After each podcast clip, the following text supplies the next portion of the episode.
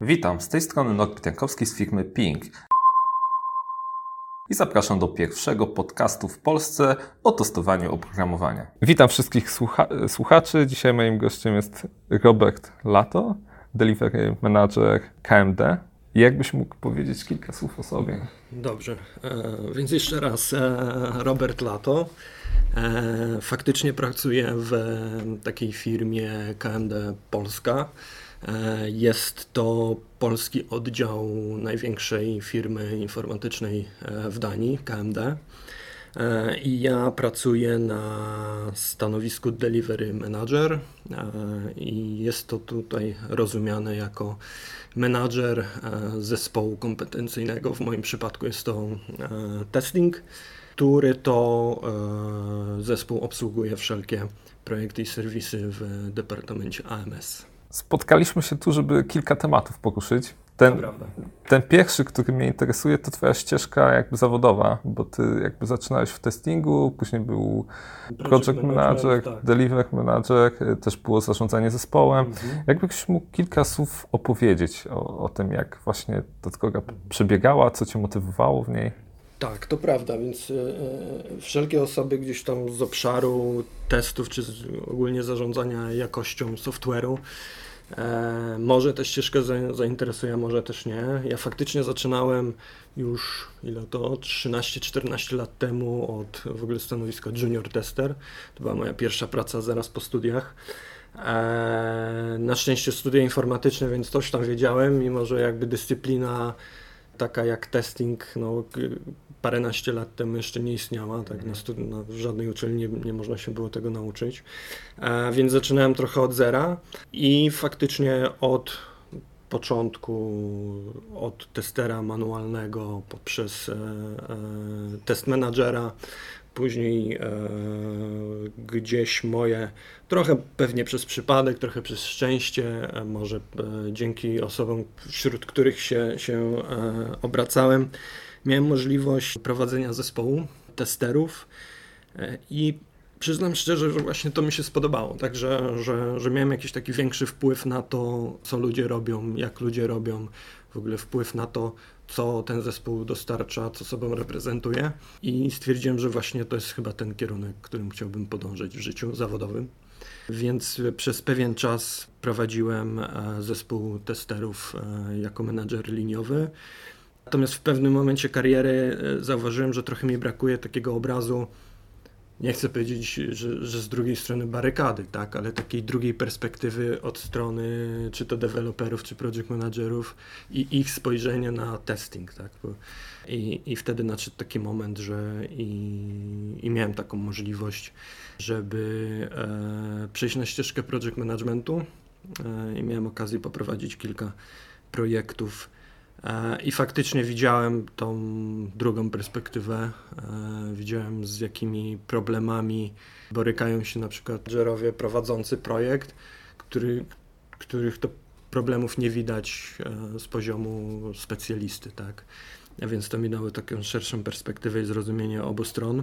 I, i tak naprawdę korzystałem to właśnie na, na zasadzie przekonania się, jak to jest, tak. Ja jakoś bardzo mm, tak naprawdę nie wiązałem swojej dłuższej przyszłości z, z samym prowadzeniem projektów.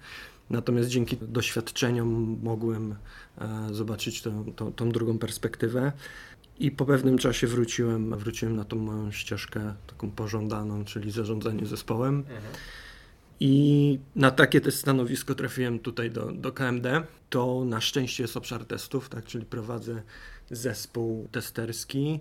Jest to zespół globalny, to znaczy w tej chwili mamy, mam osoby w Polsce, Danii, e, Indiach. Czas pokaże, gdzie jeszcze. I dzięki tym ludziom staram się starczać usługi testerskie do, do projektów. To tak bardzo pokrótce, zaraz pewnie wejdziemy trochę głębiej. Twoja ścieżka jest dość ciekawa, bo właśnie od testera przez właśnie zarządzanie projektami i pewnie w pewnym momencie miałeś taki, jak już byłeś tym testerem, widziałeś tą jakość, jak ona tam powstaje powiedzmy i się, i się ją rzeźbi, to chciałeś coś więcej, więc y, co tak Co cię skłoniło tak do tego, żeby, nie wiem, zarządzać projektem? Czy już poczułeś takie wewnętrzne, że jesteś w stanie, czy że widzisz, że tam ta jakość brakuje jej, czy może być lepiej? Jak to było w twoim przypadku?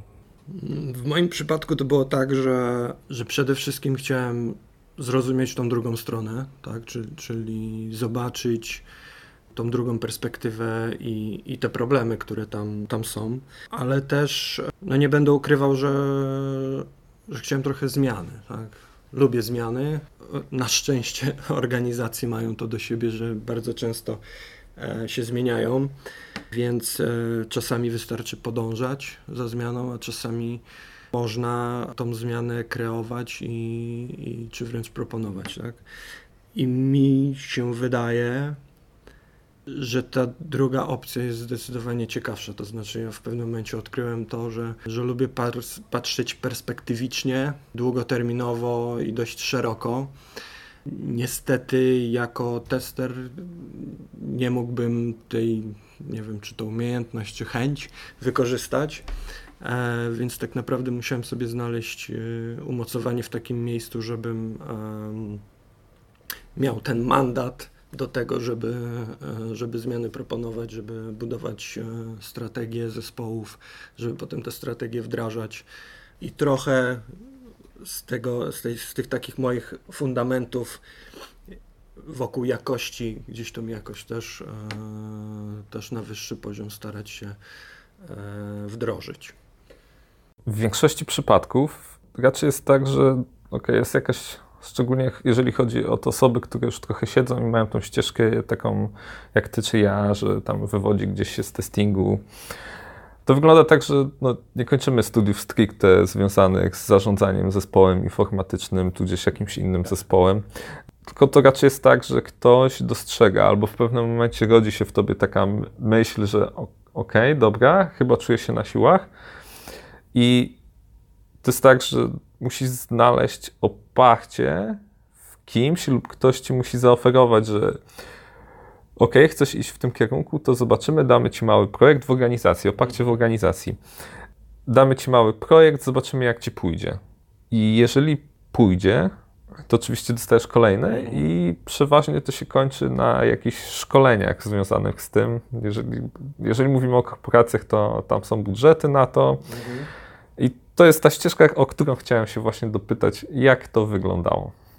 Jeżeli pytasz o szkolenia, no to tak, no musimy zacząć od tego, że e, należy wiedzieć, co się chce robić, w którą stronę chce się podążać, bo szkolenia to jest temat jakby no, niekończący się. Tak? To, to, nie jest tak, że zaplanujesz sobie dwa najbliższe szkolenia, jak je zrobisz w pół roku, to już jesteś wyszkolony i do końca życia możesz działać w swojej dziedzinie. Nauka jest ciągła, tak? I, i, i tym bardziej w, w obszarze IT to tempo zmian, wchodzenia nowych technologii, nowych rozwiązań jest tak szybkie, że to jakby cały czas musisz za tym e, rynkiem podążać, e, żeby gdzieś tam ten przysłowiowy pociąg ci nie odjechał. Więc ważna jest na pewno taka samoświadomość i, i determinacja w tym, że te, ten kierunek, który sobie obrałeś, to będziesz nim podążał, tak? Pewno dużo daje to, jeżeli masz osoby wokół siebie, które to wspierają i ci pomagają, czy to doradzają szkolenie, czy wręcz e, służą jakimś e, mentoringiem, czy coachingiem, czy czymkolwiek innym, wymian jakąkolwiek wymianą wiedzy. Tak? Jeżeli mówimy o, o zarządzaniu projektami, no to wiadomo, są, są uznane ścieżki, czy to właśnie podążanie PMI-em i i potem gdzieś tam przez certyfikację PMP e, się przechodzi, czy, czy to są obszary takie czysto agile'owe, Scrum Master, Product Owner i tak dalej, czy może gdzieś organizacja prowadzi projekty e, w, w metodykach już tych starszych, jakichś waterfallowych, no to, to, to nie wiem, czy jeszcze takie szkolenia są. E, no ale na pewno oprócz samych szkoleń też jakaś edukacja na własną rękę, czy to przez lektury, czy, czy z wykorzystywaniem internetu jako medium, na, na pewno też można sobie tą ścieżkę zbudować i, i się rozwijać. A jeszcze jakbyś mógł mi powiedzieć różnicę między PM-em a DM-em? Mhm. Jasne. Oczywiście z mojej perspektywy będę mówił, pewnie co organizacja to, to inny tak. zakres odpowiedzialności i o ile project manager jest dość takim uniwersalnym określeniem roli osoby prowadzącej projekt, czy to IT, czy mhm. projekt w budownictwie, czy jakikolwiek inny, e, o tyle delivery manager to w wielu miejscach może znaczyć zupełnie co innego. Tak? W moim przypadku delivery manager jest to osoba, menadżer, który prowadzi zespół jest odpowiedzialny za dostarczenie danej kompetencji, która, która ten zespół posiada. Tak w moim przypadku jest to testing, czyli ja dostarczam do organizacji kompetencje testing i zapewniam, że, że ta, ta kompetencja będzie na najwyższym poziomie i każdy projekt będzie obsłużony z perspektywy właśnie tej, tej dziedziny. I właśnie, wspominałeś, że w obecnej firmie zajmujesz się dość fajnymi rzeczami. Jakbyś mógł o nich trochę więcej poopowiadać. Tak. W moim e, rozumieniu fajne rzeczy to są rzeczy nowe. I również tak jak powiedziałem, e, że lubię zmiany, to dla mnie te fajne rzeczy to też jest przeprowadzanie zmian.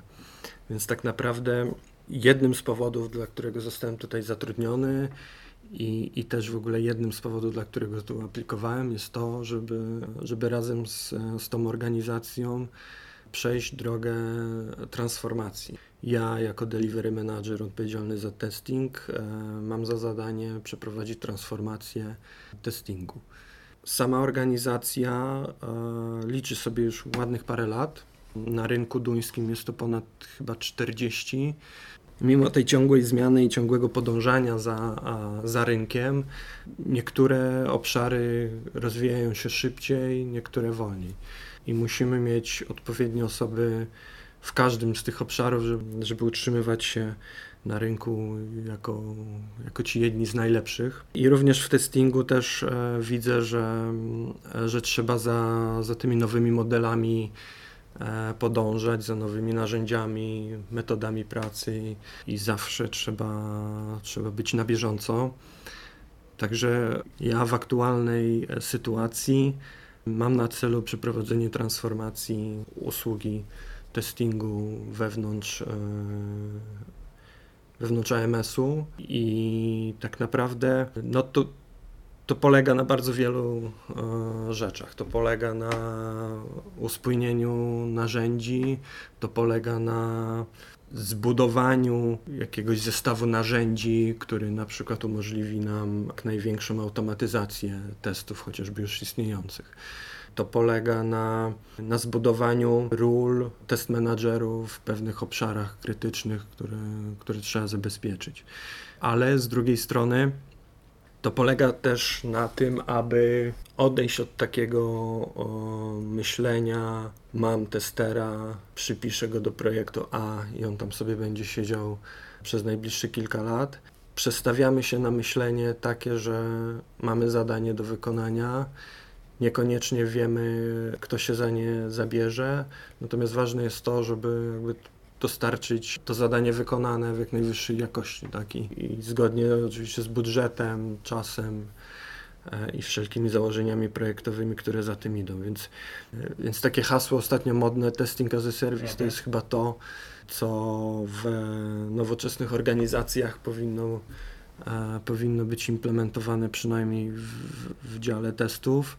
I to jest to, za co ja tutaj się aktualnie zabieram. Mhm żebyśmy przestali myśleć o testingu jako o testerach, których bierzemy na projekt, tylko myśleli o testingu jako o zadaniach mających na celu sprawdzenie czy poprawę jakości. Ze względu na to, że mamy różnych słuchaczy, to chciałem tutaj takie mm, nakreślić sytuację, bo w większości organizacji, które się zajmują wytwarzaniem oprogramowania, jest przeważnie tak, że mamy jakieś projekty, E, które mają x osób i z tych x osób jest kilku testerów. I przeważnie są ci testerzy przypisani do tego projektu.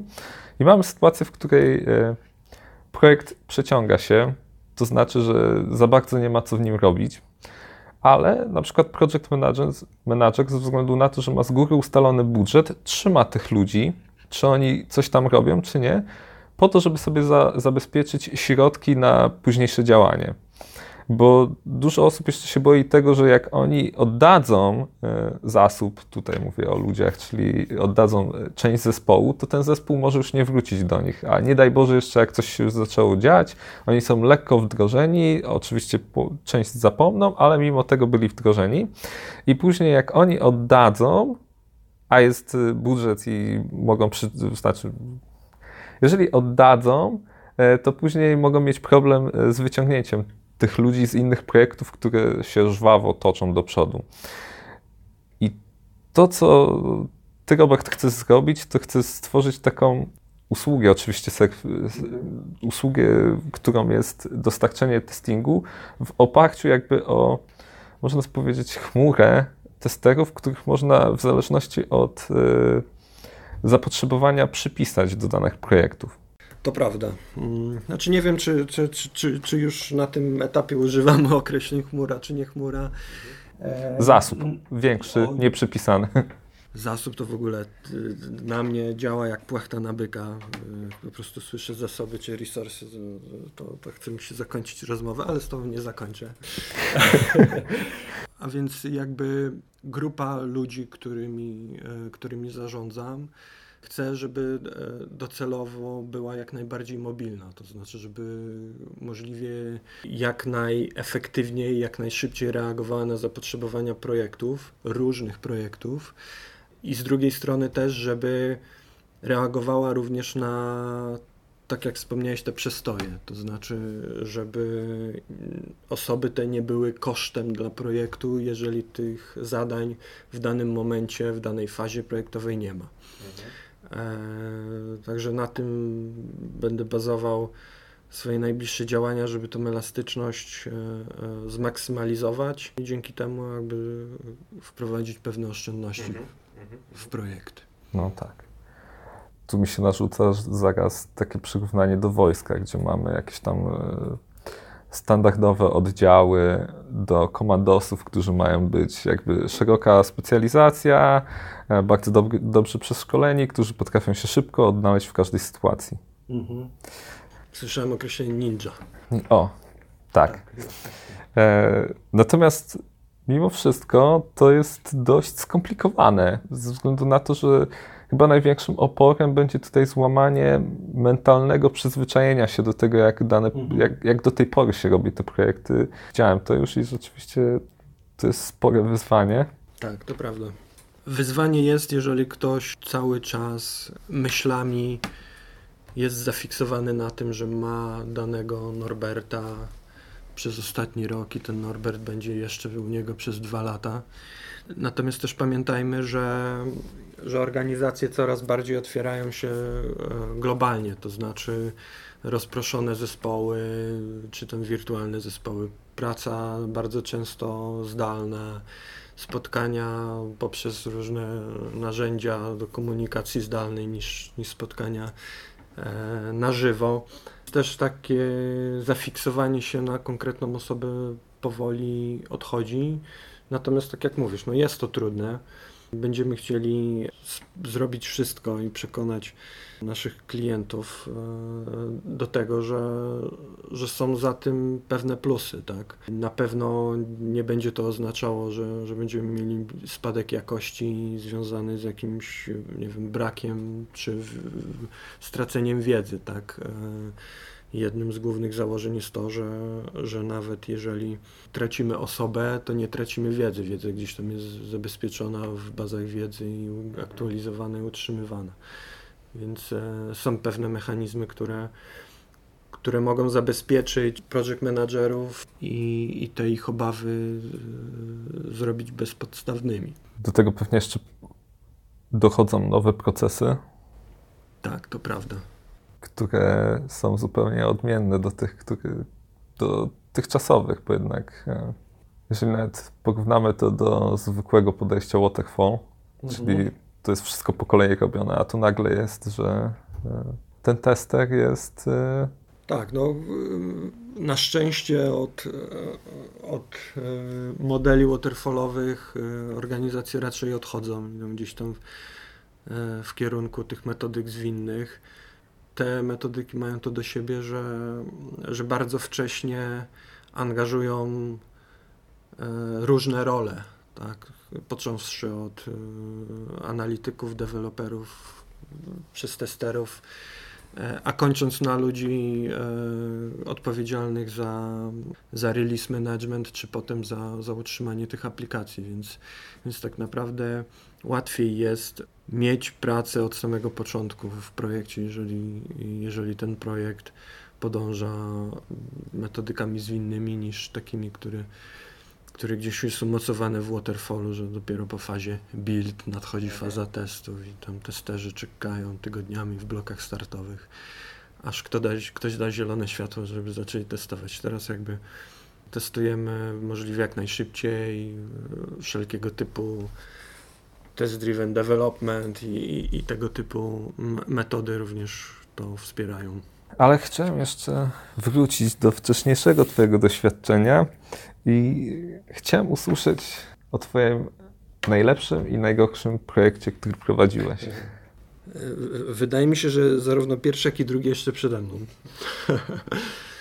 Wydaje mi się, że mimo wszystko, że że z jednej strony najlepszy, a z drugiej strony najgorszy mógł być ten pierwszy. To znaczy, z jednej strony najlepszy, bo najwięcej się uczyłem e, i, i jak najwięcej na nim skorzystałem. Z drugiej strony e, najgorszy, bo dość trudny, bo poruszasz się często jak dziecko we mgle. Posiłkujesz się wiedzą kolegów, koleżanek, starasz się E, wszystko poukładać e, po swojemu. Natomiast wydaje mi się, że, że to wszystko też zależy od zespołu, który posiadasz. Tak? Jeżeli on jest zgrany, jeżeli jest dobrze zbilansowany, jeżeli jest e, e, pełen chęci, pasji do tego, żeby, żeby projekt dostarczyć, e, no to wtedy jest project manager ma z górki, tak. Z drugiej strony, ze swojego doświadczenia mogę się podzielić tym, że projekt bądź kilka projektów robionych w różnych strefach czasowych, no to to jest coś, co, co naprawdę jest e, wyczerpujące. Miałem taki przypadek, gdzie, gdzie prowadziłem dwa projekty, jeden e, dla klienta w Europie, drugi dla klienta w Stanach no i chcąc obsłużyć oba projekty, no gdzieś ten, te okienko, w którym jesteś dostępny, wydłużało się dość, e, dość znacznie, co, co na pewno miało tam wpływ na, e, na ten bilans pomiędzy pracą zawodową a, a życiem prywatnym.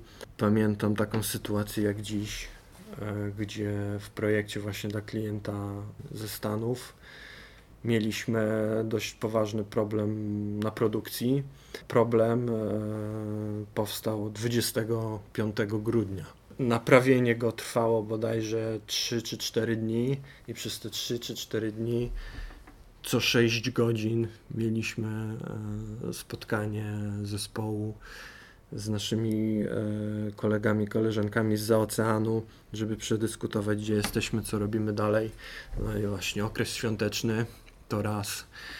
E, co 6 godzin to, to połowa z tego wypadała w nocy, to dwa, więc, e, więc to było coś naprawdę wyczerpującego. Natomiast, tak jak wspomniałem, zespół zrobił różnicę, to znaczy były to osoby bardzo zmotywowane i takie zdeterminowane wręcz do tego, żeby, żeby temat, problem rozwiązać i temat zamknąć jak najszybciej. E, I tak naprawdę dzięki temu trwało to tylko albo aż 3 czy 4 dni, a nie dłużej. I, i, I nie trzeba było tutaj wprowadzać niczego nadzwyczajnego, aby ci ludzie chcieli to robić. Padło słowo zespół. Mhm. Jak buduje się dobry zespół? Wydaje mi się, że świadomie. Przede wszystkim e, osoba odpowiedzialna za budowanie zespołu powinna wiedzieć, jakie zadania ten zespół będzie wykonywał, tak, żeby tutaj nie było przypadku, nie wiem, zatrudniamy samych deweloperów, potem się okazuje, że nie ma komu testować, testuje deweloper, albo na odwrót. E, więc ważny jest zakres zadań. Dla mnie osobiście ważny jest pewien taki miks doświadczeń, charakterów i umiejętności, bo osobiście staram się tak dobrać zespół, żeby to nie byli sami seniorzy, którzy, którym się wydaje z całym szacunkiem, że, że wiedzą wszystko najlepiej i, i nie mają potrzeby z nikim się dzielić swoją wiedzą, nikogo wspierać, nikomu pomagać. E, tylko staram się gdzieś tam znaleźć ten odpowiedni balans, żeby mieć zarówno osoby mniej doświadczone, czy wręcz uczące się w danej roli, w połączeniu z osobami bardziej doświadczonymi, które będą w stanie tych młodych wspierać, a młodzi z kolei e, zarażać swoim entuzjazmem i podejściem. Biorąc pod uwagę Twoje doświadczenie i to, co Cię czeka, jakie widzisz takie największe jakby wyzwania w najbliższym czasie?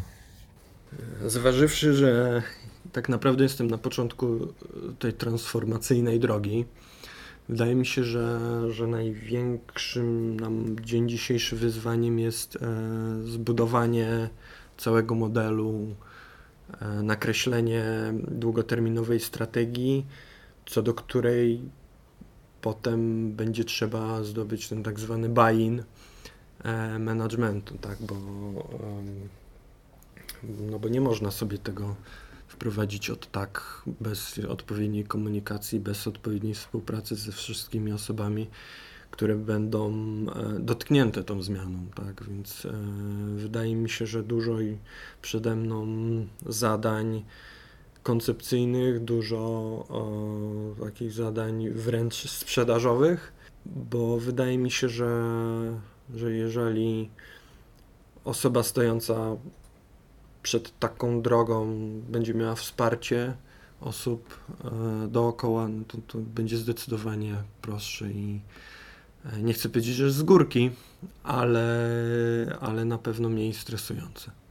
I powiedziałeś coś, co już mi się powtórzyło. To znaczy, ta umiejętność to jest sprzedaży czegoś.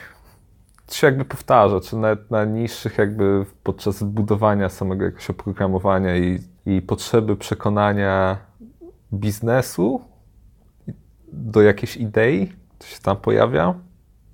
No i teraz ty wspomniałeś o tym, e, że jednak te umiejętności, jednak takiego przekonania do, do swoich e, wartości, przekonań przydają się gdzieś tam w trakcie budowy, w Twoim przypadku nowych modeli, w przypadku budowy oprogramowania to też jest potrzebne. No i nic, i chciałem tylko tak właśnie podkreślić. No. Tak, to prawda. No, nawet jak sobie spojrzysz e, na popularne w biznesie e, medium, jakim jest LinkedIn, to, no, to możemy zauważyć, że najwięcej zainteresowania jest budowane wokół wszelkich, nie wiem, filmów, artykułów dotyczących inspirowania, czy, czy właśnie jakichś takich technik związanych z no właśnie nie, nie tyle ze sprzedażą, bo to się może kojarzyć z czystym marketingiem, tak, ale, ale, ale z, z, z rzeczami związanymi z przekonywaniem, z budowaniem jakichś historii, opowieści wokół swojego przypadku i, i, i próby zarażenia innych swoją historią. No, właściwie co my innego dzisiaj tutaj robimy, jeżeli nie to, tak?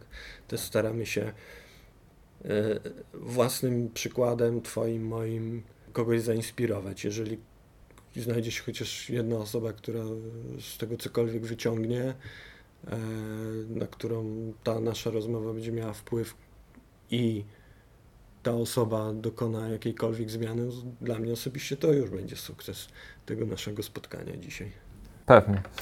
Ja mam nadzieję, ze względu na to, że już nie mam do Ciebie pytań i bardzo Ci dziękuję, że się ze mną spotkałeś. To ja Ci dziękuję. Ja mam nadzieję, że spotkamy się za rok, żeby zobaczyć, jak, jak poszły plany. Zapraszam.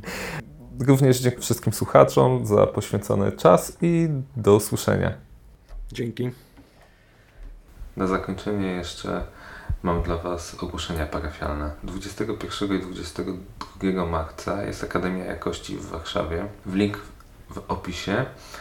Na tej konferencji pierwszego dnia będę miał wykład na temat testing as a service, natomiast drugiego dnia będę miał warsztaty od y, rozmowy kwalifikacyjnej do menedżera jakości. Zapraszam wszystkich. Do 28 lutego jest 15% rabatu i link znajdziecie w opisie. Natomiast w kwietniu będę na Warszawce, ale jeszcze nie jest znana data, natomiast na pewno będę. Oprócz tego webinar zawód tester, jak zacząć, dostępny jest na Udemy. Natomiast w ostatni piątek był kolejny webinar na temat trzech modeli wytwarzania programowania. Dziękuję tym, którzy byli i w tym tygodniu będzie on rozesłany do wszystkich osób, które są na liście mailingowej, więc jeżeli jeszcze nie jesteście, to zapraszam, aby się na nią dopisać. Dzięki.